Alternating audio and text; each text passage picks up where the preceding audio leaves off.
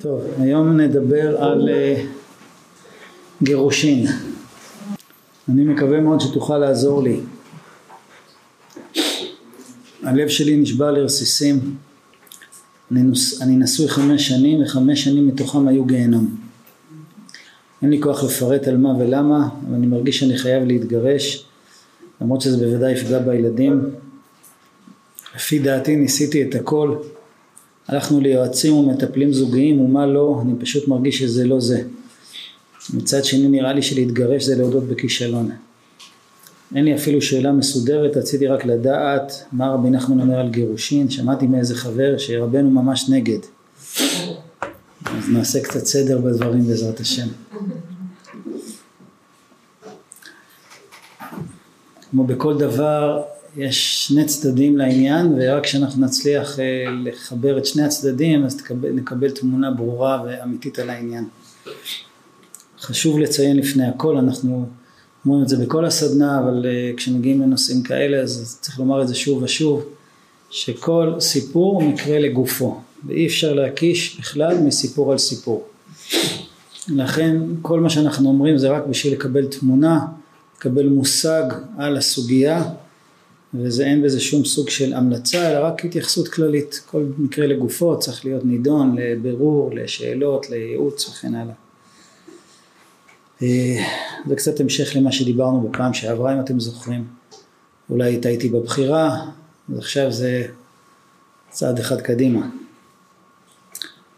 אז באמת לפני הכל צריך להאמין ואמרנו את זה פעם שעברה נגיד את זה שוב שכל זוג יהודי שעמדו מתחת לחופה כדת משה וישראל אז זה, זה לא מקרה, זה לא טעות והקדוש ברוך הוא לא עושה טעויות ובוודאי גם זה נמצא בהשגחה פרטית ויש סיבה מדויקת ומטרה מדויקת שהאיש והאישה הזו היו צריכים להינשא ולעבור מה שהם עוברים ביחד כמה זמן שהם יעברו אם זה עד סוף החיים הטוב וגם אם לא אז זה גם זה נגזר וגם זה מחושבן וגם זה יש לו סיבה ותכלית. זה לא, זה לא טעות.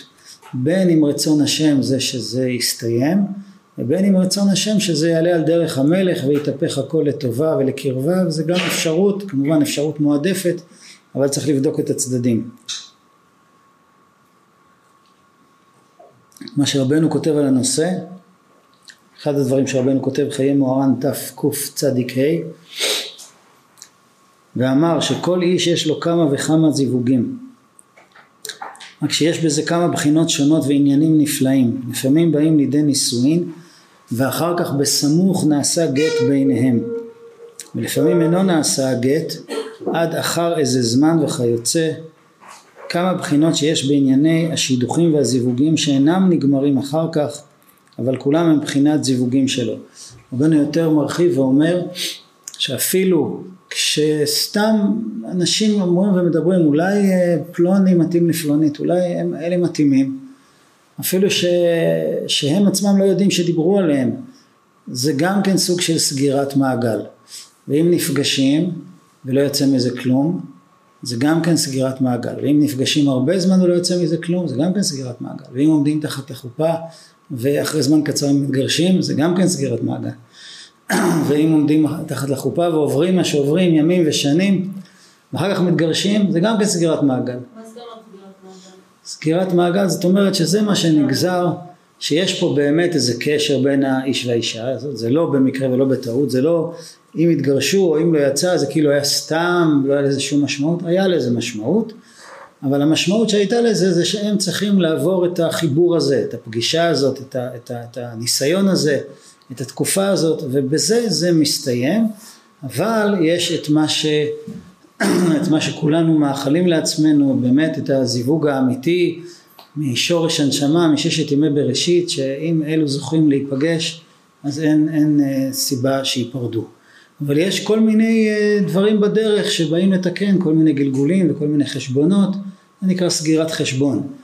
סוגרים סוגרים איזשהו מעגל ורבי נחמן גם מעודד אותנו שכל מעגל שנסגר אז בסופו של דבר גם אם נראה שלא יצא מזה כלום זה לא טעות זה התקדמות לקראת הדבר היותר אמיתי ויותר מדויק אבל זה לא היה לשווא זה לא היה סתם, זה לא היה בטעות, זה לא היה במקרה, זה היה מכוון.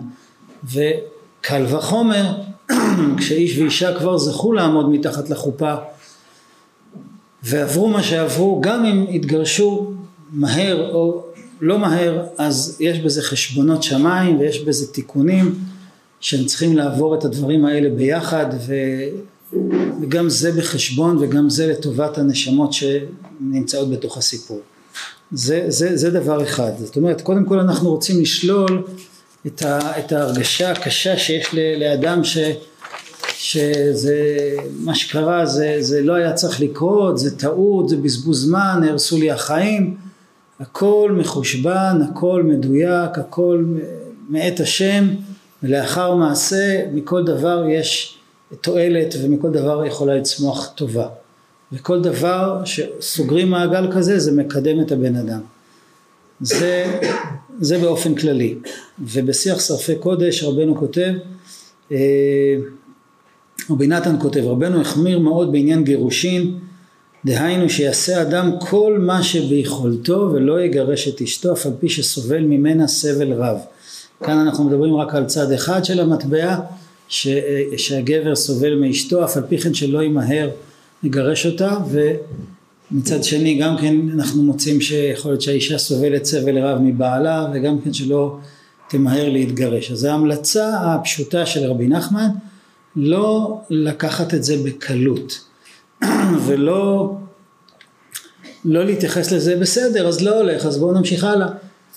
וכאן אנחנו רואים את שני הצדדים מצד אחד להשתדל אה, לעשות כל מה שביכולתו גם זה כתוב כאן.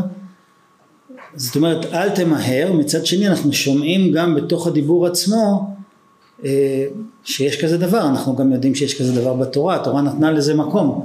אנחנו נדבר על זה על התכלית והתועלת מדוע התורה נתנה לזה מקום? למה שזה לא יהיה כמו שזה אצל אומות מסוימות שאם מתחתנים זהו אבוד. זה מה יש תלך עם זה. לכאורה היה מקום להגיד שזה יותר טוב כי אז לבן אדם לא היה סימני שאלה. ברור לו שזה זה. אין לו ספקות רק צריך אה, להתמודד עם זה.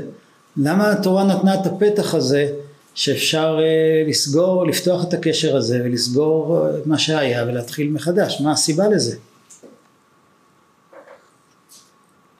אז באמת אנחנו אנחנו נראה פה כמה צדדים.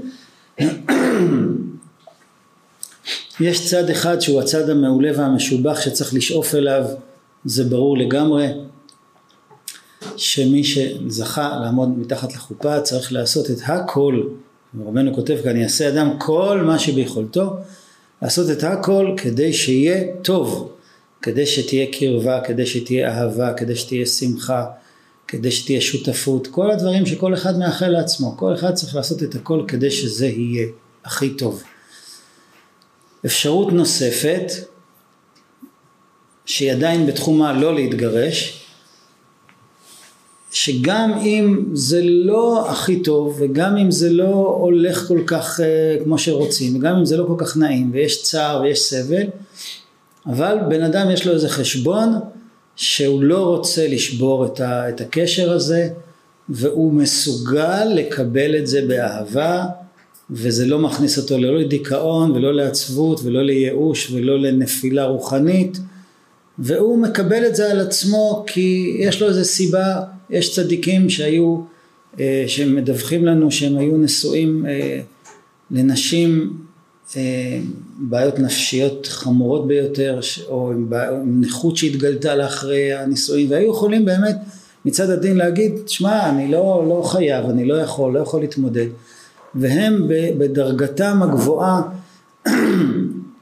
קיבלו על עצמם את הדבר הזה לא חס ושלום להפקיר את האישה הזאת והיו מסוגלים לקבל את זה באהבה ועשו חשבון שזה מה שנגזר עליהם משמיים ולא נכנסו מזה לדיכאון יש גם אפשרות כזאת, אבל זה רק שתי אפשרויות של להמשיך, או שהכל באמת עולה על דרך המלך, או שלא הולך על דרך המלך, אבל אתה, אתה יכול לקבל את המצב כמו שהוא, בלי להידרדר מזה, בלי אה, ל, ל, ליפול מזה, בלי להיכנס מזה לעצבות ולייאוש וכן הלאה, או לעבירות.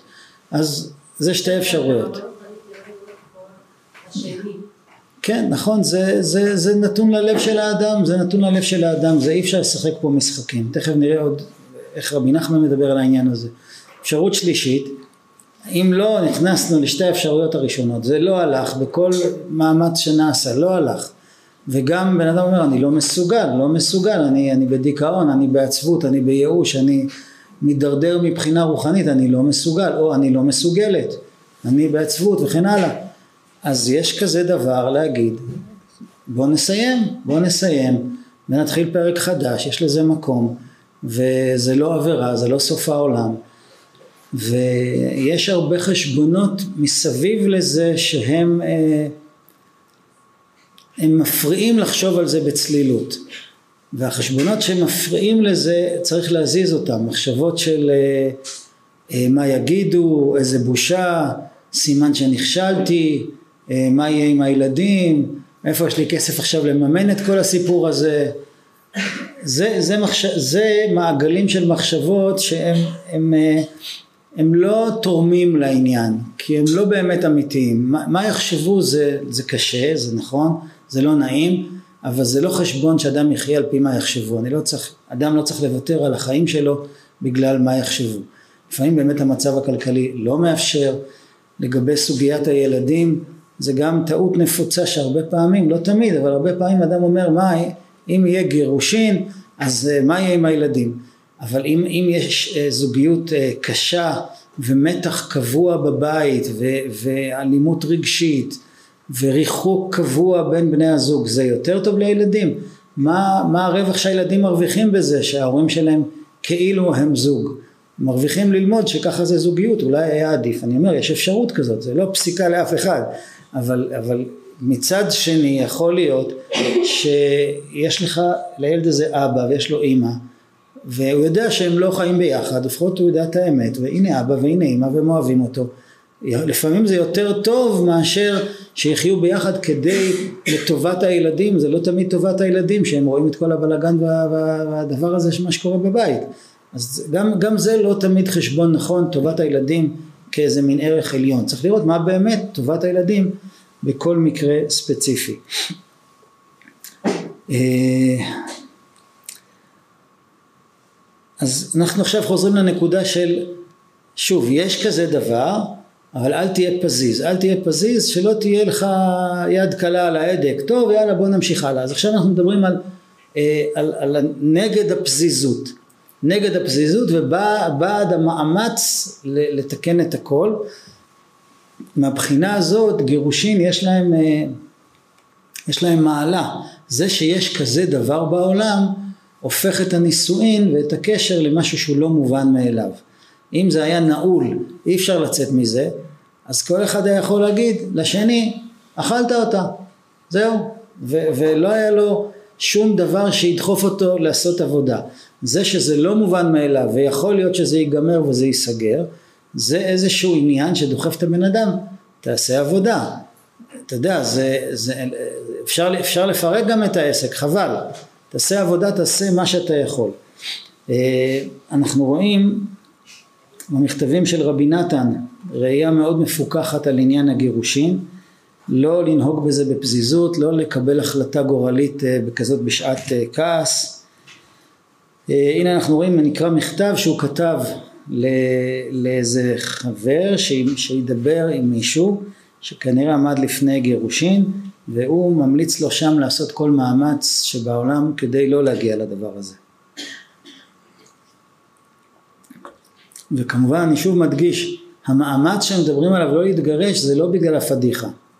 זה לא הנקודה שאנחנו רוצים לשמור, שלא יהיה לא נעים, וזה לא מקובל, ומה יגידו, זה לא, זה לא הסיבה להילחם על, ה, על הזוגיות. הסיבה להילחם על הזוגיות כי זה משמיים וצריך לעשות הכל כדי שזה יהיה טוב. וכאן אנחנו רואים גם ראייה מפוקחת על בוא, בוא תחשוב רגע אה, מה האפשרויות. אומר רבי נתן, והנה אתם בעצמכם מבינים שאין ברצוני בשום אופן שיגרש את אשתו הראשונה, שהמזבח מוריד על זה דמעות, ומי יודע כמה יתעגן עד שיישא השנייה, ואם תהיה כרצונו, מכל שכן החותן וחמותו והעיר איך יהיה אם לא יהיו גרועים מזה.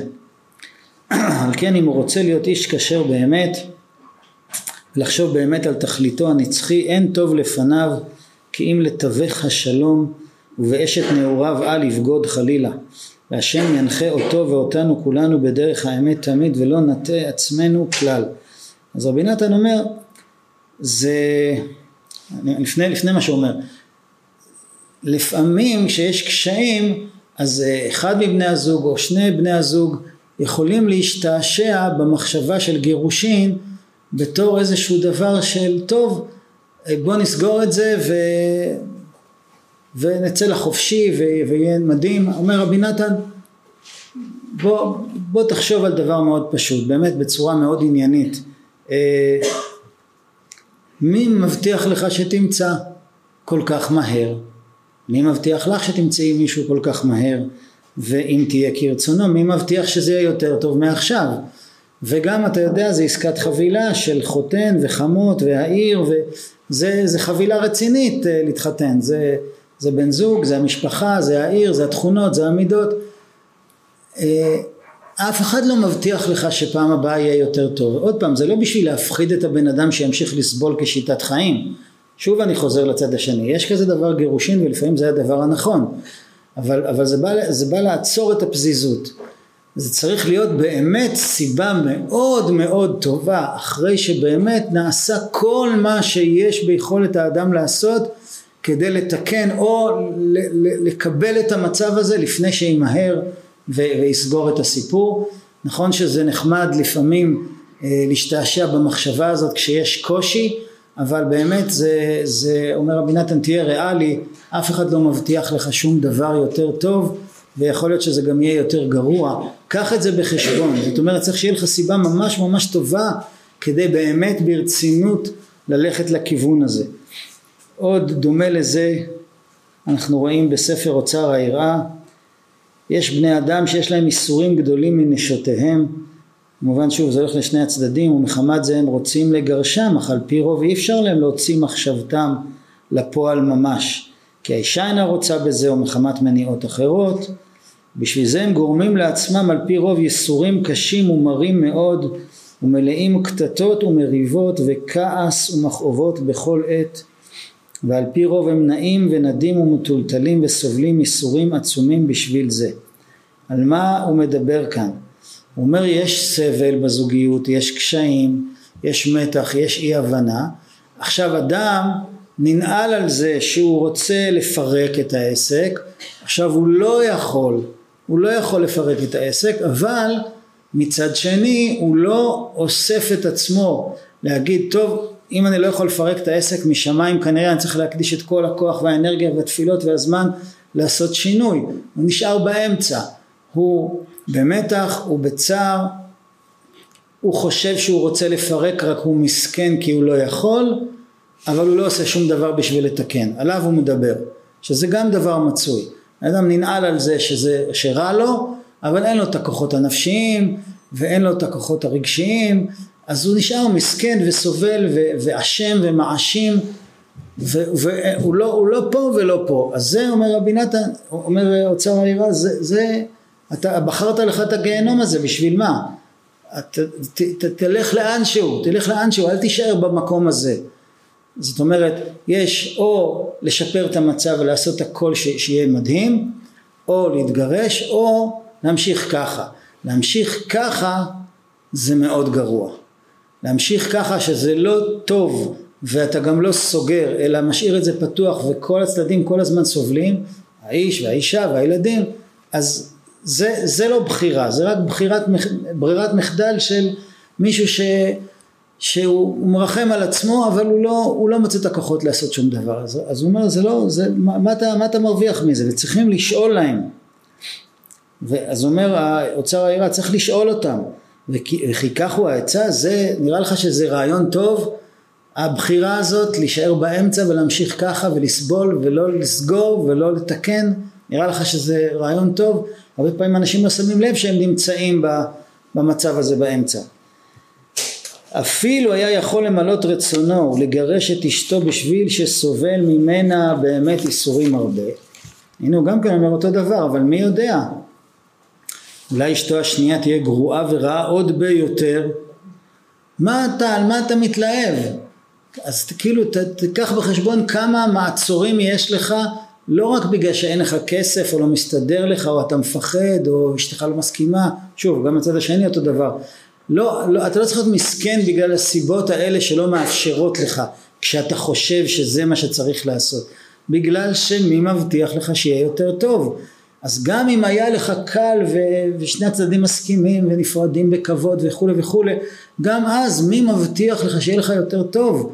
אל תמהר, אל תהיה פזיז, זה שוב אותה נקודה של מעצור שכלי, אל תמהר, אז, אז מה כן, אבל גם אל תישאר ככה, ת, תלך לכיוון החיובי, זאת אומרת כל מה שאנחנו מדברים פה זה לעשות את, ה, את המקסימום שאדם לא יקבל החלטות פזיזות ו, ושיעשה השתדלות רצינית כמה שניתן לתקן את השבר. אם על ידי אה, ייעוץ וליווי, אם על ידי תפילה ובקשת סיוע משמיים. וגם שם הרי רבנו אמר בעצמו שיעשה אדם כל מה שביכולתו שלא להתגרש. אז שיעשה כל מה שביכולתו. האם בן אדם לא עשה והוא אומר טוב רע לי. אז מה אתה חושב לעשות בנושא? כלום להיות מסכן לרחם על עצמי ו- ולהסתבך ולהידרדר ולהיות מיואש ולהיות עצוב ולהקרין את זה לסביבה אז אומר פה האוצר היראה זה לא רעיון טוב זה לא רעיון טוב תיקח את הכוחות שלך לאנשהו אל תשקע תלך לאנשהו להתגרש אני לא מציע לך מי מבטיח לך? אחרי שתעשה את הכל להציל את המצב כמה שאתה יכול אז נדבר הלאה אה,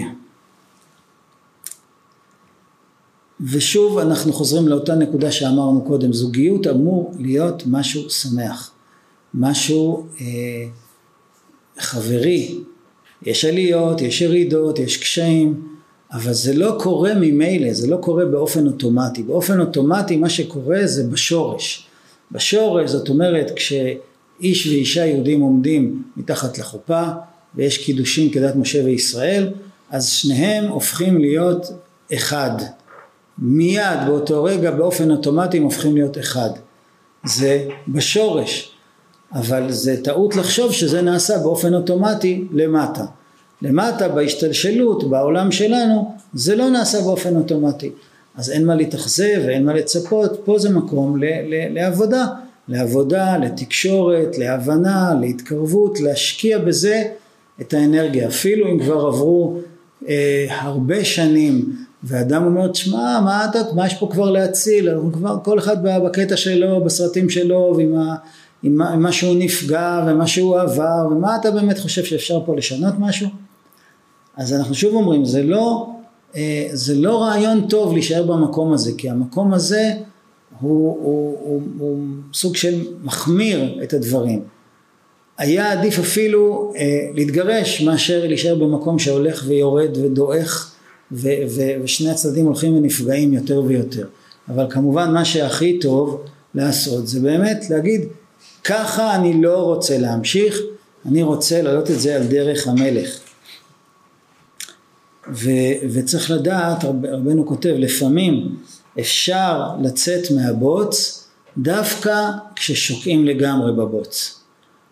זאת אומרת אם אדם הוא ככה נכנס לאיזה ביצה והרגליים שלו כבר בתוך הבוץ והוא כבר מתחיל לשקוע אז הוא יכול לנשום, הוא יכול, בסדר, הוא לא, הוא יכול להיות שלא קולט את העניין. אבל אם הוא כבר שוקע ממש אז, אז מצד אחד אה, הוא, יכול, הוא יכול להגיד לעצמו וואי אני, עד כאן, עד כאן. זאת אומרת המשברים בזוגיות והירידות והכעסים והמתחים והמריבות כמו בכל תחום, הם יכולים להיות אור אדום, אור אדום שאומר עד כאן, עד כאן, זאת אומרת אנחנו מחליטים ללכת על זה, לתקן, להתקרב מחדש ברעננות, החלטה משותפת, איך אפשר אה, להתחיל מחדש אחרי כל כך הרבה אה, שנים של משקעים וקשיים אותו דבר מי שלא נשוי והרבה שנים הוא נפגש ומנסה, איך אפשר לצאת לעוד פעם לפגישה, איך אפשר? איך אפשר? התשובה היא פשוטה, כי באמת רבי נתן כותב בליקוטי הלכות שאחת העבודות החזקות של היצר הרע זה להראות לנו שההווה הוא תוצאה של העבר. זאת אומרת מה שקרה לי עד עכשיו זה סימן שזה מה שיקרה לי גם הלאה ואם עד עכשיו נפגשתי כך וכך פעמים ולא עלה בידי למצוא שידוך. אז זה בטח מה שיקרה לי גם הלאה. אני כבר אה, יש לי איזה איזה גורל כזה איזה קללה הוטלה עליי איזה כישוף הוטל עליי. אני לא יכול לצאת מהדבר הזה. והנה עובדה. מה עובדה? עובדה שזה מה שקרה עד עכשיו. אה, ואותו דבר בזוגיות. עובדה שעברו שנה שנתיים עשר עשרים שנה ולא הלך ולא הלך ולא הלך ולא הלך. אז עובדה שזה מה שקרה עד עכשיו אז בטח זה מה שיקרה גם עכשיו. אז מה יש עכשיו לקבל החלטה גדולה? מה זה, מה זה שווה? זה שטויות זה סתם משחק. ככה אומר היצר הרע. אבל אנחנו מאמינים באמונה שלמה שכל רגע אומר האריזל כל רגע כל דקה העולם כולו נברא מחדש לחלוטין עם כל הברואים וכל מה שיש בו ארבע פעמים בדקה. ארבע פעמים בדקה. זאת אומרת אני לא מה שהייתי ובן זוג שלי זה לא מה שהיה, העולם זה לא מה שהיה. זאת אומרת יכול להיות שעכשיו אחרי כל מה שעבר אם זה היה גזרה שאני צריך לסבול יכול להיות שגזרה נגמרה וברגע זה אני אמור לצאת לחופשי והכל יכול להשתנות הצטברו מספיק תפילות, הצטברו מספיק מעשים טובים, הצטברו מספיק איסורים, מישהו התפלל עליי, עשיתי איזה מעשה טוב במיוחד, קיבלתי איזה מתנה משמיים, למה? זכיתי בקופסה של סייעתא דשמיא וברכה שפתאום עכשיו ככה זה יהיה, הגעתי לאיזה מקום ששם זה מסוגל, הגעתי לאיזה זמן שבדיוק בזמן הזה הנשמה שלי קיבלה איזה אור מיוחד, האריזל כותב כל אדם יש לו מיום שהוא נולד סכום של ימים, סכום של ימים, ימי חייו, נגיד לא יודע כמה, 70 שנה זה נראה לי משהו כמו 25 אלף יום, אז נגיד בן אדם קיבל 25 אלף יום, מה, מה אנחנו חושבים? אנחנו חושבים ככה, בסדר, עוד יום, עוד יום, עוד יום, בסדר, זה כאילו מין המשך כזה, אבל באמת, אומר האריזל זה לא המשך, הנשמה של הבן אדם, נגיד אם הוא קבל 25 אלף יום, מתחלקת ל-25 אלף חלקים, ובכל יום הוא מקבל חלק אחר לגמרי מהנשמה שלו, שיופיע ביום הזה ויפעל, וכל חלק הוא אחר, כמו שבגוף של הבן אדם, אה, התא של הציפורן של הרגל זה לא התא של המוח, זה לא התא של הלב, אז אם אנחנו זוכים להופעה של תא של הלב או תא של המוח, זה לא הופעה של תא של הציפורן של הרגל, אז מה אתה יכול בכלל להשוות את מה שהיה עד עכשיו לעכשיו? אין, באמת של התורה אין שום קשר לבין כל מה שהיה לבין עכשיו. יותר מזה, כל פעם שאדם אומר, היצר אומר הפוך, היצר אומר, תראה כמה פעמים ניסית, מה אתה מנסה עוד פעם, אתה עושה צחוק, אתה ממש עושה צחוק מעצמך, תראה מה אתה, תהיה, תהיה בן אדם נורמלי, תהיה הגיוני, נכשלת, יש לך 25 אלף יום, נכשלת 24 אלף יום, נכשלת. מה אתה עכשיו, מה אתה עושה צחוק? הסבירות היא שזה יקרה שוב כי יש דרך הטבע ויש חוקים שחוסמים אותך ויש אה, אה, הרגלים והתניות וככה אתה פועל וככה פעלת וככה גם תפעל. ככה אומר היצר הרע. אבל באמת אין שום קשר. אין, אין שום קשר לחלוטין בגלל שהפוך 24 אלף יום נכשלתי נגיד זה לא ככה, תמיד יש עליות וירידות, היצר רוצה להשחיר את הכל. 24 אלף יום נכשלתי נגיד, אז עכשיו כשאני מתחיל מחדש, ההתחלה שלי היא לא כמו אה, בפעם הקודמת. בפעם הראשונה שבן אדם הולך לאיזה עניין, אני הולך לתקן את הזוגיות שלי, אני הולך להשקיע בזוגיות שלי, אז הוא בא מלא מרץ, מלא שמחה, מלא תקווה, הנה אני הולך, כמו שהוא אחרי החופה, הוא, אין, לו, אין לו משקעים, הוא אחרי החופה, הנה עכשיו בוא, בוא נתחיל, בוא נדבר, בוא נתקשר, בוא נלמד, לא נורא, הכל לטובה, הכל בסדר. אחר כך הוא רואה שיש איזה טאקל, יש איזה ריב, יש איזה אי הבנה, אז הוא, אז הוא נופל בדעתו, אומר וואי, מה קורה? ואז הוא אומר, טוב, אני אאסוף את עצמי, אני אנסה שוב. בפעם הראשונה שהוא מתחיל מחדש, הוא הרוויח שהוא היה צריך למצוא כוחות יותר גדולים מאשר בהתחלה בגלל שבהתחלה זה היה מלווה גם בהרבה גאווה ובהרבה דמיונות ובהרבה ילדותיות ובהרבה גם תמימות, אבל בסדר, עכשיו פעם שנייה, פעם שנייה, רק פעם שנייה, שהוא, פעם, שהוא מתחיל מחדש. הוא צריך יותר הכנעה, הוא צריך יותר ענווה, הוא צריך יותר אמונה, כי אחרת הוא לא יצליח, כי עכשיו הוא צריך למרות מה שהיה, להתחיל מחדש. אז כמה כוח ואמונה ותפילה ורצון ותקווה וענווה והכנעה יש לו אחרי 24 אלף פעם שעכשיו אתה, עכשיו אתה מתחיל עוד פעם זה לא עוד פעם סתם כמו כל הפעמים הקודמות זה עוד פעם שמכילה 24 אלף פעם של משהו שאני הצלחתי למרות כל הדבר הזה למצוא כוח הרבה יותר גדול ויכול להיות שהדבר הזה ישנה את התמונה, יכריע את הכף אז מה יש בכלל להשוות את מה שהיה למה שעכשיו? זה לא קשור. וזה שבן אדם בא ומאמין ומנסה ומקווה, הקדוש ברוך הוא, זה מה שהוא רוצה. זה מה שהוא רוצה וזה מבטל את הקטרוגים. משה רבנו לפי, לפני שנפטר אמר לקדוש ברוך הוא עכשיו אני עוזב את עם ישראל ואין מי שילמד עליהם זכות, הם עשו הרבה טעויות והרבה עבירות והסתבכו בכל מיני דברים אז מה יהיה איתם? ככה אני עוזב את העם שלי, מה, מי, מי, מי יציל אותם? מי ילמד עליהם זכות? אני כבר לא אהיה פה, מה, מה יהיה?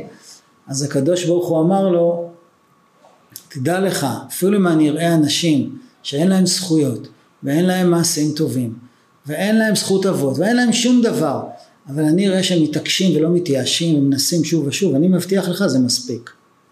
ככה אומר המדרש אני אומר לך הקדוש ברוך הוא אומר למשה אל תדאג.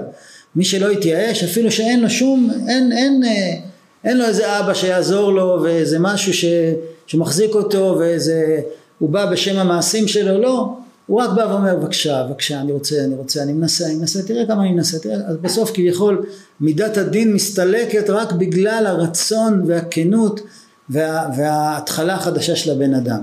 ככה זה בזוגיות, ככה זה בכל דבר. ומהבחינה הזאת אם מגיעים למחשבה או לדיבור אה, על גט, אומר רבי נתן, כשמדברים על גט אז בעצם מדברים על השורש של הקשר. זה לא נהיה סימן שאלה לגבי הקשר.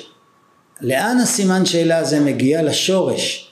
האם מה שנהיה פה בהתחלה, האם ההתקשרות שהייתה פה בהתחלה אנחנו רוצים להשאיר אותה או לנתק אותה? האם הקשר הזה שהתקשרנו בשורש, בזמן החופה, יש לו מקום, אנחנו רוצים להמשיך אותו, שאנחנו רוצים לנתק אותו. בעצם אומר רבי נתן, השיחה, המחשבה או הדיבור על גט, היא נוגעת בשורש של הקשר. אז אומר רבי נתן, אם אתה עוסק בשורש של הקשר, בשורש יש הרבה כוח לשנות את המציאות.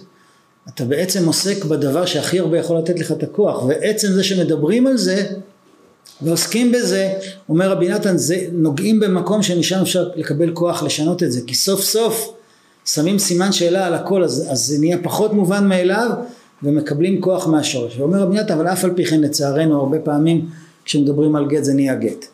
אבל, אבל אף על פי כן יש גם צד כזה שזה יכול, אה, זה יכול להפוך להיות מנוף. מגיעים לקווים אדומים ואז בן אדם אומר עד כאן, עד כאן אני לא רוצה להמשיך ככה, בסדר גמור, אני לא רוצה להמשיך ככה זה כבר, כבר דבר גדול שאדם אומר אני לא רוצה להמשיך ככה. אבל עכשיו יש פה שתי פניות, ימינה ושמאלה, אני לא רוצה להמשיך ככה, אני לא רוצה להמשיך בכלל. שנייה, חכה, בסדר, יש כזה דבר. אני לא רוצה להמשיך ככה, לא, אז יש, אני לא רוצה להמשיך בכלל, ויש, אני רוצה להמשיך טוב. אני רוצה להפוך את זה, אני רוצה לשנות את זה. אני אעשה מה שאני יכול. וגם כאן אה, חשוב מאוד להגיד שגם פה היצר הרע כרגיל מתערב בכל דבר. אתם זוכרים, דיברנו על זה כמה פעמים שרבי נחמן אומר שיש ליצר המחלקה, המחלקה זה השב"כ של היצר הרע, המחלקה הכי חשובה, הכי קרבית של היצר הרע, לפגוע בזוגיות. זה, הוא יודע שאם הוא יפגע בזה אז גמרנו, חס ושלום הכל גמור. אז הוא משקיע בזה. אז כאן אומר, אומר אה, גם היצר רע אומר תשמע מה שאומרים פה עבר עליך מה שעבר ואתה רואה שזה לא הולך זה גם לא חייב להיות עשרים שנה יכול להיות שאדם נמצא אה, כמה חודשים בקשר שאומר מה אין, אין פה שום מה קורה פה לא קורה פה כלום אז, אז אם הוא מגיע למקום שהוא לא רוצה להמשיך ככה זה טוב מאוד. כמה שיותר מהר מגיעים לא, לא, לאור אדום הזה שנדלק, בנורית שנדלקת ברכב. אני לא רוצה להמשיך ככה. זה טוב מאוד. זה טוב מאוד, עכשיו היצר רע בא ואומר, אז רגע, אתה לא רוצה לחתוך? אתה יודע מה זה אומר לשנות? אתה יודע מה זה אומר לתקן ולהביא את זה למקום טוב? בוא נגיד שיש כזה דבר, אני אלך איתך, נגיד שיש כזה דבר, אתה יודע כמה תצטרך לעבוד ולהשקיע, לעבוד על עצמך, אני לא אוהב את המשפט הזה, לעבוד על עצמך, אתה צריך לעבוד על עצמך, ותדע לך שזה יהיה מאוד מאוד קשה, ומי יודע אם תצליח אי פעם לעשות איזה שינוי אפילו קטן, ואתה לא יודע מה יידרש ממך, וגם בעצם ניסית, והצד השני בכלל לא מעוניין, אבל הדבר המשמעותי שהוא מפיל על הבן אדם, זה זה יהיה מאוד מאוד קשה. אז בן אדם אומר, אז לא בא לי ללכת ימינה, כי שמה בימינה מחכה לי, או מחכה לי שמה גיהנום, לא בא לי להתאמץ כל כך. ואז היצר ממשיך ואומר לו, תראה איזה עצלן אתה, הוא מכר לו את זה ועכשיו הוא, הוא מייאש אותו גם על זה, על זה הוא גם שובר אותו, תראה, זה, אתה, אתה לא רציני, עכשיו תתייאש מזה שאתה לא רציני. יש, אה, יש פירוש בתורה, התורה אומרת, אנחנו מתקרבים לפורים ובעזרת השם גם לפסח, אז התורה אומרת ש-80% מעם ישראל לא יצאו ממצרים. 80% מעם ישראל לא יצאו ממצרים. מה יש לכם במצרים? מה כזה טוב לכם במצרים? מה, ששוחטים אתכם, שוחטים את הילדים שלכם, שעובדים כמו חמורים מטורפים מהבוקר עד הלילה ולא רואים יום ולא רואים כלום? מה אתם רוצים ממצרים? למה אתם לא רוצים לצאת משם? מה הבעיה? רש"י אומר, 80% לא רצו לצאת ממצרים. למה? מה הסיבה? אז אומר נועם אלימלך, זה כתוב בפסוק, ולא שמעו אל משה מקוצר רוח ועבודה קשה. אין לי סבלנות, אין לי כוח. למה? למה? אומר הנועם אלימלך, בגלל שהם אמרו ככה, הם אמרו למשה, אתה אומר שצריכה להגיע הגאולה, ושהולך להיות טוב ומדהים, אנחנו נשתחרר מהגיהנום הזה, אז, אה, אבל אנחנו רואים שאנחנו לא צדיקים גדולים, אנחנו גם עובדים עבודה זרה, אנחנו גם הפסלים שלנו כמו הפסלים של המצרים נמצאים בכל מקום. אז, אז באיזה זכות אנחנו הולכים להיגאל? אז אמר להם משה רבנו כי הקדוש ברוך הוא אוהב אתכם. אמרו לו תשמע אנחנו לא קונים את הדברים האלה, אנחנו יודעים שבן אדם בשביל להיות ראוי לגאולה, בשביל שיהיה לו טוב, אז באמת הוא צריך לעשות עבודה קשה. הוא צריך להתאמץ ולהשתנות מקצה לקצה, לתקן את המידות ולהשתפר בכל התחומים ולהתגבר על התאוות שלו ולהיות בן אדם אחר לגמרי ואז אולי הוא יהיה ראוי לגאולה. צריך עבודה קשה בשביל זה, אנחנו לא קונים את הדבר הזה, השם אוהב אותך. מה זה השם אוהב אותך? צריך לעבוד קשה בשביל זה, מה אנחנו פה במשחק? והם אמרו, בגלל שזה כל כך קשה, לפי דעתנו, נדרש מאיתנו דברים כל כך קשים, אז אנחנו לא רוצים לצאת כי אנחנו לא מעוניינים לעמוד במבחנים הקשים האלה, אנחנו לא מאמינים שנצליח לעמוד בזה. ולא שמעו אל משה מקוצר רוח ועבודה קשה, לא רוצים לצאת ממצרים, לא רוצים לצאת מכל הבלגן של החיים. למה? למה שבן אדם, מה, בן אדם רוצה שיהיה לו טוב? כן, אבל היצר אומר לו, אתה יודע כמה אתה נדרש לעשות בשביל שיהיה לך טוב? אתה צריך להשתנות מקצה לקצה. אז בן אדם אומר, אז אין לי כוח. אותו דבר כאן בזוגיות. אתה צריך להפוך עולמות, לשנות את עצמך, תראה את המידות הרעות שלך, זה הכל בגללך, אתה החרבת את הבית, מה עכשיו אתה רוצה שזה ייפול עליך משמיים והכל פתאום משתנה? התשובה היא, למה עם ישראל נגלו ממצרים באמת? הקדוש ברוך הוא אומר. חז"ל אומרים שלא שינו את שמם, שלא שינו את לשונם, שלא שינו את לבושם. הם עובדים עבודה זרה, הם משתחווים לפסלים, הם מלאים בכל התאוות והמידות הרעות של המצרים, גאווה, כעס, תאוות, מה, הכל, הכל, אותו דבר כמו מצרים, מאה אחוז מצרים, רק מה? הוא קורא לבן שלו אברהם ולא תחפכנס, יופי. מה קרה? זה אפשר, זה, זה סיבה לגאול את הבן אדם, אתה עובד עבודה זרה, מה קורה לך? אתה כולך שקוע ב-49 שערי טומאה, אתה טמא כמו כל מצרי. לא, אני, אני, יש לי בגדים, אני הולך עם מגן דוד, יש לי סימן שאני יהודי. מה אתה צוחק? נו באמת, זה מה שמשנה את התמונה? לא, אני מדבר עברית. נו באמת, תסתכל על המעשים שלך, המעשים שלך האמיתיים, המהותיים, המידות שלך מושחתות, מעשים שלך מושחתים. מה אתה מספר סיפורים, איך שאתה קורא לבן שלך, ואתה שם מגן דוד, מה זה הדברים האלה, מה זה השטויות האלה? אומרים חז"ל, זה לא שטויות, מזה, מזה הם נגאלו. למה? להראות לנו שהקדוש ברוך הוא אומר אני רוצה שאתם ת, תראו לי רק שאתם רוצים. אני הגואל לא אתם. אתם לא יכולים להיגאל בגלל שאתם ראויים. מי מדבר על הדבר הזה בכלל? אני רוצה שאתם לא תוותרו על היהדות שלכם. סימנים של יהדות. לילד שלי קוראים אברהם יש לי איזה סימן מגן דוד אה, יש לי איזה בגד שמזכיר יהדות, אני מדבר בעברית, לא, זה, זה, למה, אתה, למה אתה עושה את הדברים האלה? כי אני יהודי. אבל אתה לא מתנהג כמו יהודי, אתה לא חי כמו יהודי. אף על פי כן אני יהודי ואני רוצה להיות יהודי. הקדוש ברוך הוא אומר, זה מספיק לי. זה מספיק לי בשביל לגאול אותך ולעשות אותות ומופתים בשמיים ובארץ, דברים שלא היו ולא נבראו. יורד, אה, אה, יורד חושך לעולם שהמצרי לא יכול לזוז בכלל, אבל היהודי הוא הולך בתוך אור. מה זה הדבר הזה? ויורד ברד, הורג את כל ה... מחסל שם את הכל, אבל אם יהודי עובר אז זה לא באיזה אזור מסוים יש צרות, באזור אחר יש ישועות. יהודי איפה שהוא לא הולך, מקבל הגנה מרחבית מושלמת, אבל הוא מתנהג כמו גוי, והוא חי כמו גוי, ואין שום הבדל בינו לבין מצרי, והוא ב-49 שערי טומאה. אז למה? כי הוא אמר שהוא רוצה להיות יהודי. הוא לא מוותר, הוא לא מתייאש. אז אותו דבר זה פה, אותו דבר זה בכל דבר. אני מאמין בזוגיות, אני רוצה שיהיה טוב. אני לא מסוגל להפוך את העולם ולא להפוך את עצמי, וזה לא מה שנדרש ממני. אה, זה קל? כן, זה קל. אני צריך להמשיך לרצות ולעשות השתדלות. ולכן כל מה שביכולתו, מה זה כל מה שביכולתו? כדאי לדייק את זה. הקדוש ברוך הוא אומר, פיתחו לי פתח כחודו של מחט ואני אפתח לכם כאולם. הקדוש ברוך הוא אומר, כל אחד יעשה מה שהוא יכול. אני אפתח לכם עולמות ואתם אה, כמה זה פתח כחודו של מחט? זה פחות ממילימטר נראה לי. כמה זה? כלום, כלום, שום דבר. אז הקדוש ברוך הוא אומר, אני מצפה מכם שאתם רק לא תתייאשו ותמשיכו ותנסו. אני אושיע, אני אגאל, גם, גם, גם בזוגיות. זה לא שאתם תעשו כל מה שאתם יכולים, זאת אומרת אתם תשתנו מקצה לקצה ואז מגיע לכם זוגיות טובה. לא, מגיע לכם זוגיות טובה, מגיע לכם גאולה, מגיע לכם כל הטוב שבעולם. מתי?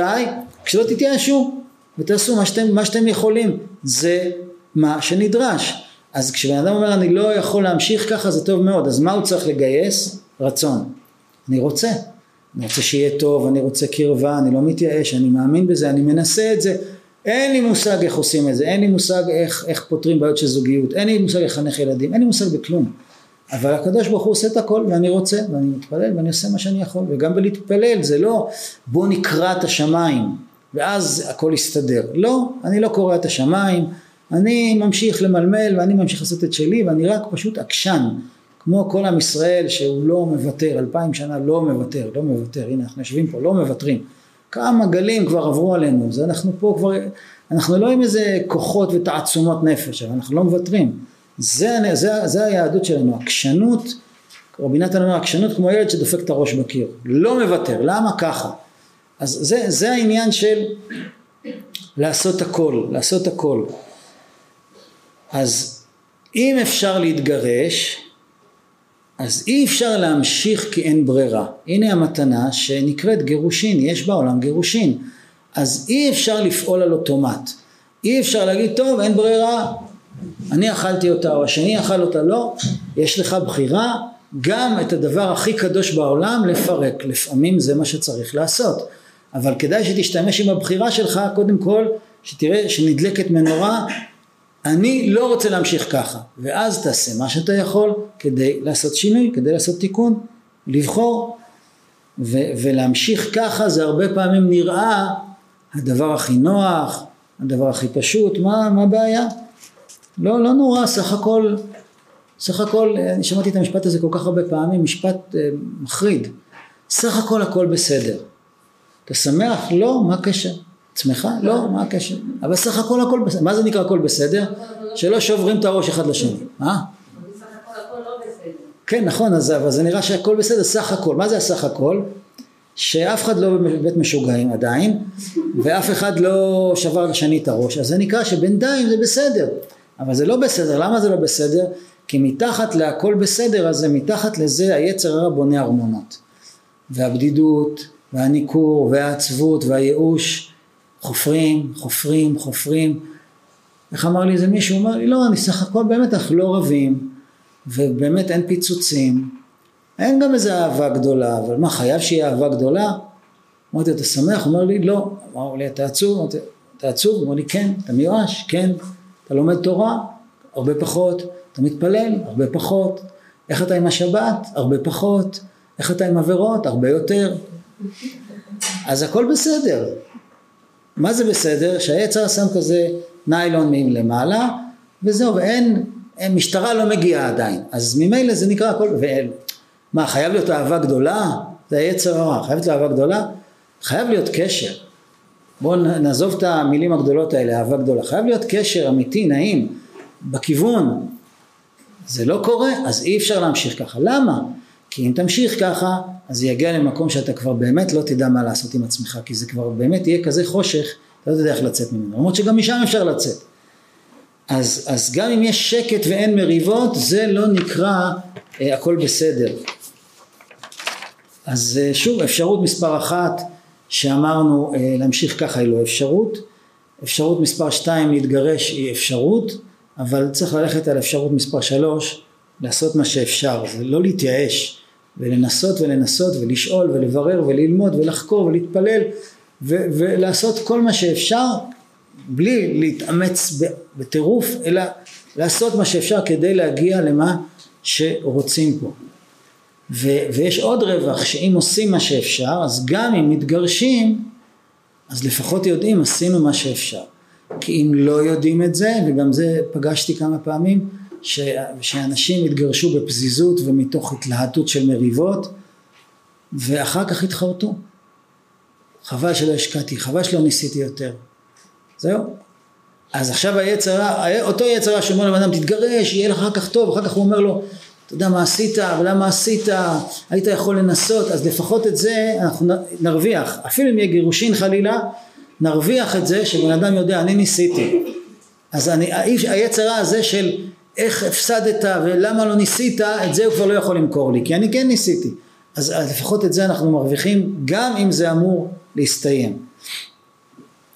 ו, ו, וגם אם אחרי כל ההשתדלות אה, מתברר שאי אפשר להעלות את הזוגיות על דרך המלך ואין שם שמחה ואין שם קרבה אבל יש סיבות כאלה או אחרות ש...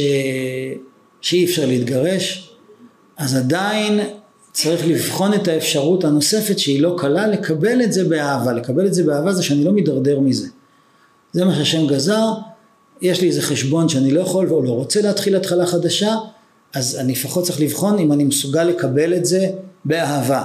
זה מה שחז"ל מציעים. אם אתה מקבל את זה באהבה, זה גם אפשרות.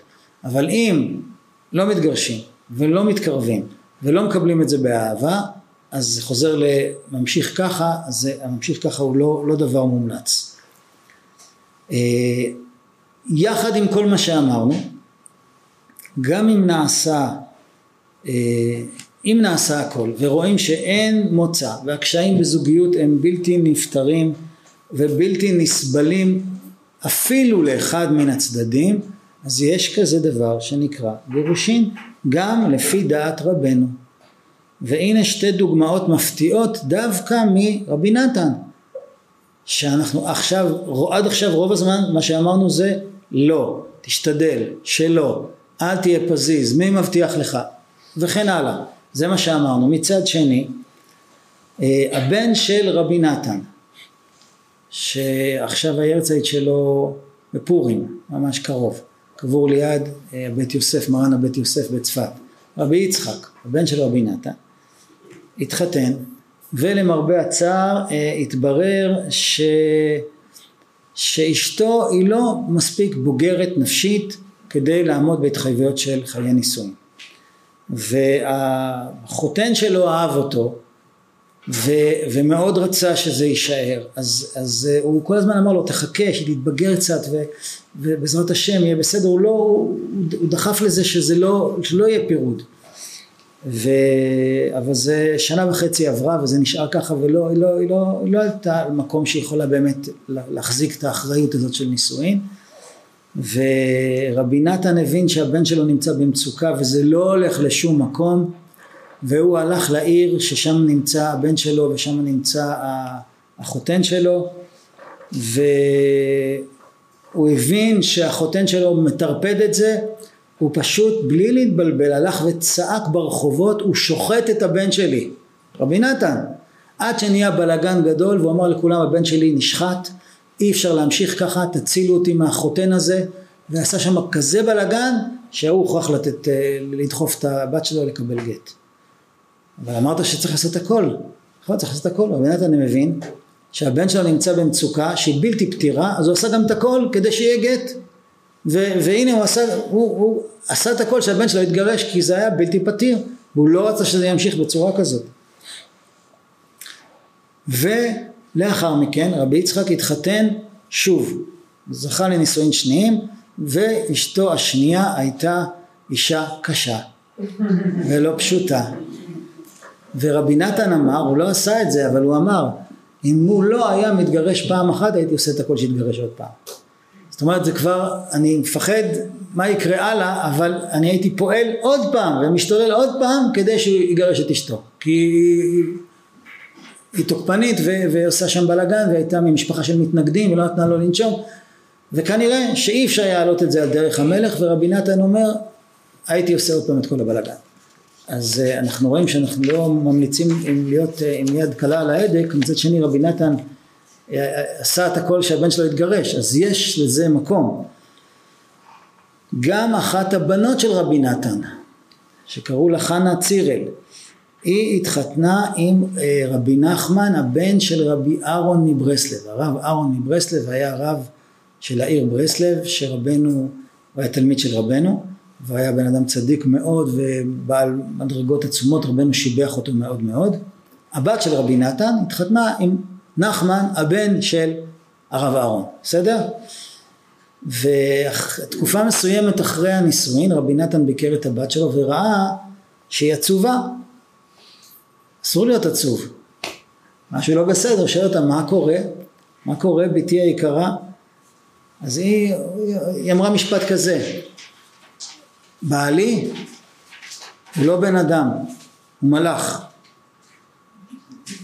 היא לא התכוונה להגיד את זה בציניות, התכוונה להגיד גדול עליי, לא יודעת מאיפה זה בא הדבר הזה, אבל אה, לא מתאים לי, לא מתאים לי, זה, זה מייאש אותי, זה מעציב אותי, זה לא, זה, זה לא אני. עכשיו רבי נתן היה יכול להגיד לה, לפי הסגנון שהיום מקובל הרבה פעמים, אה, מה קרה לך, זה כדאי, הוא צדיק, תהיי גם את צדיקה, רבי נתן לא עשה את זה. הוא הבין שזה לא מתאים, הוא הבין שזה לא מתאים, וכנראה גם אי אפשר לשכנע אותו להיות פחות צדיק, ולא לשכנע אותה להיות יותר צדיקה, הם פשוט לא מתאימים. אם היא עצובה, זה לא מתאים. הוא עשה את הכל, יהיה גט, וגם פה היה גט. מה קרה? היא הייתה עצובה סך הכל, אה? נכון, רבי נתן. שהרב שלו אומר לי לעשות הכל לא להתגרש. הוא מסדר גט לבן שלו, והוא מסדר גט לבת שלו. על מה? היא הייתה עצובה, אז מה? תהיה עצובה, יש לה בעל צדיק. לא, זה לא עובד ככה. זה לא עובד ככה. אם יש עצבות, אז משהו פה לא תקין. כמובן יש להניח שרבי נתן הבין, או ניסה, לעשות את כל מה שאפשר כדי לתקן את זה. אז, אז זאת התמונה השלמה על העניין.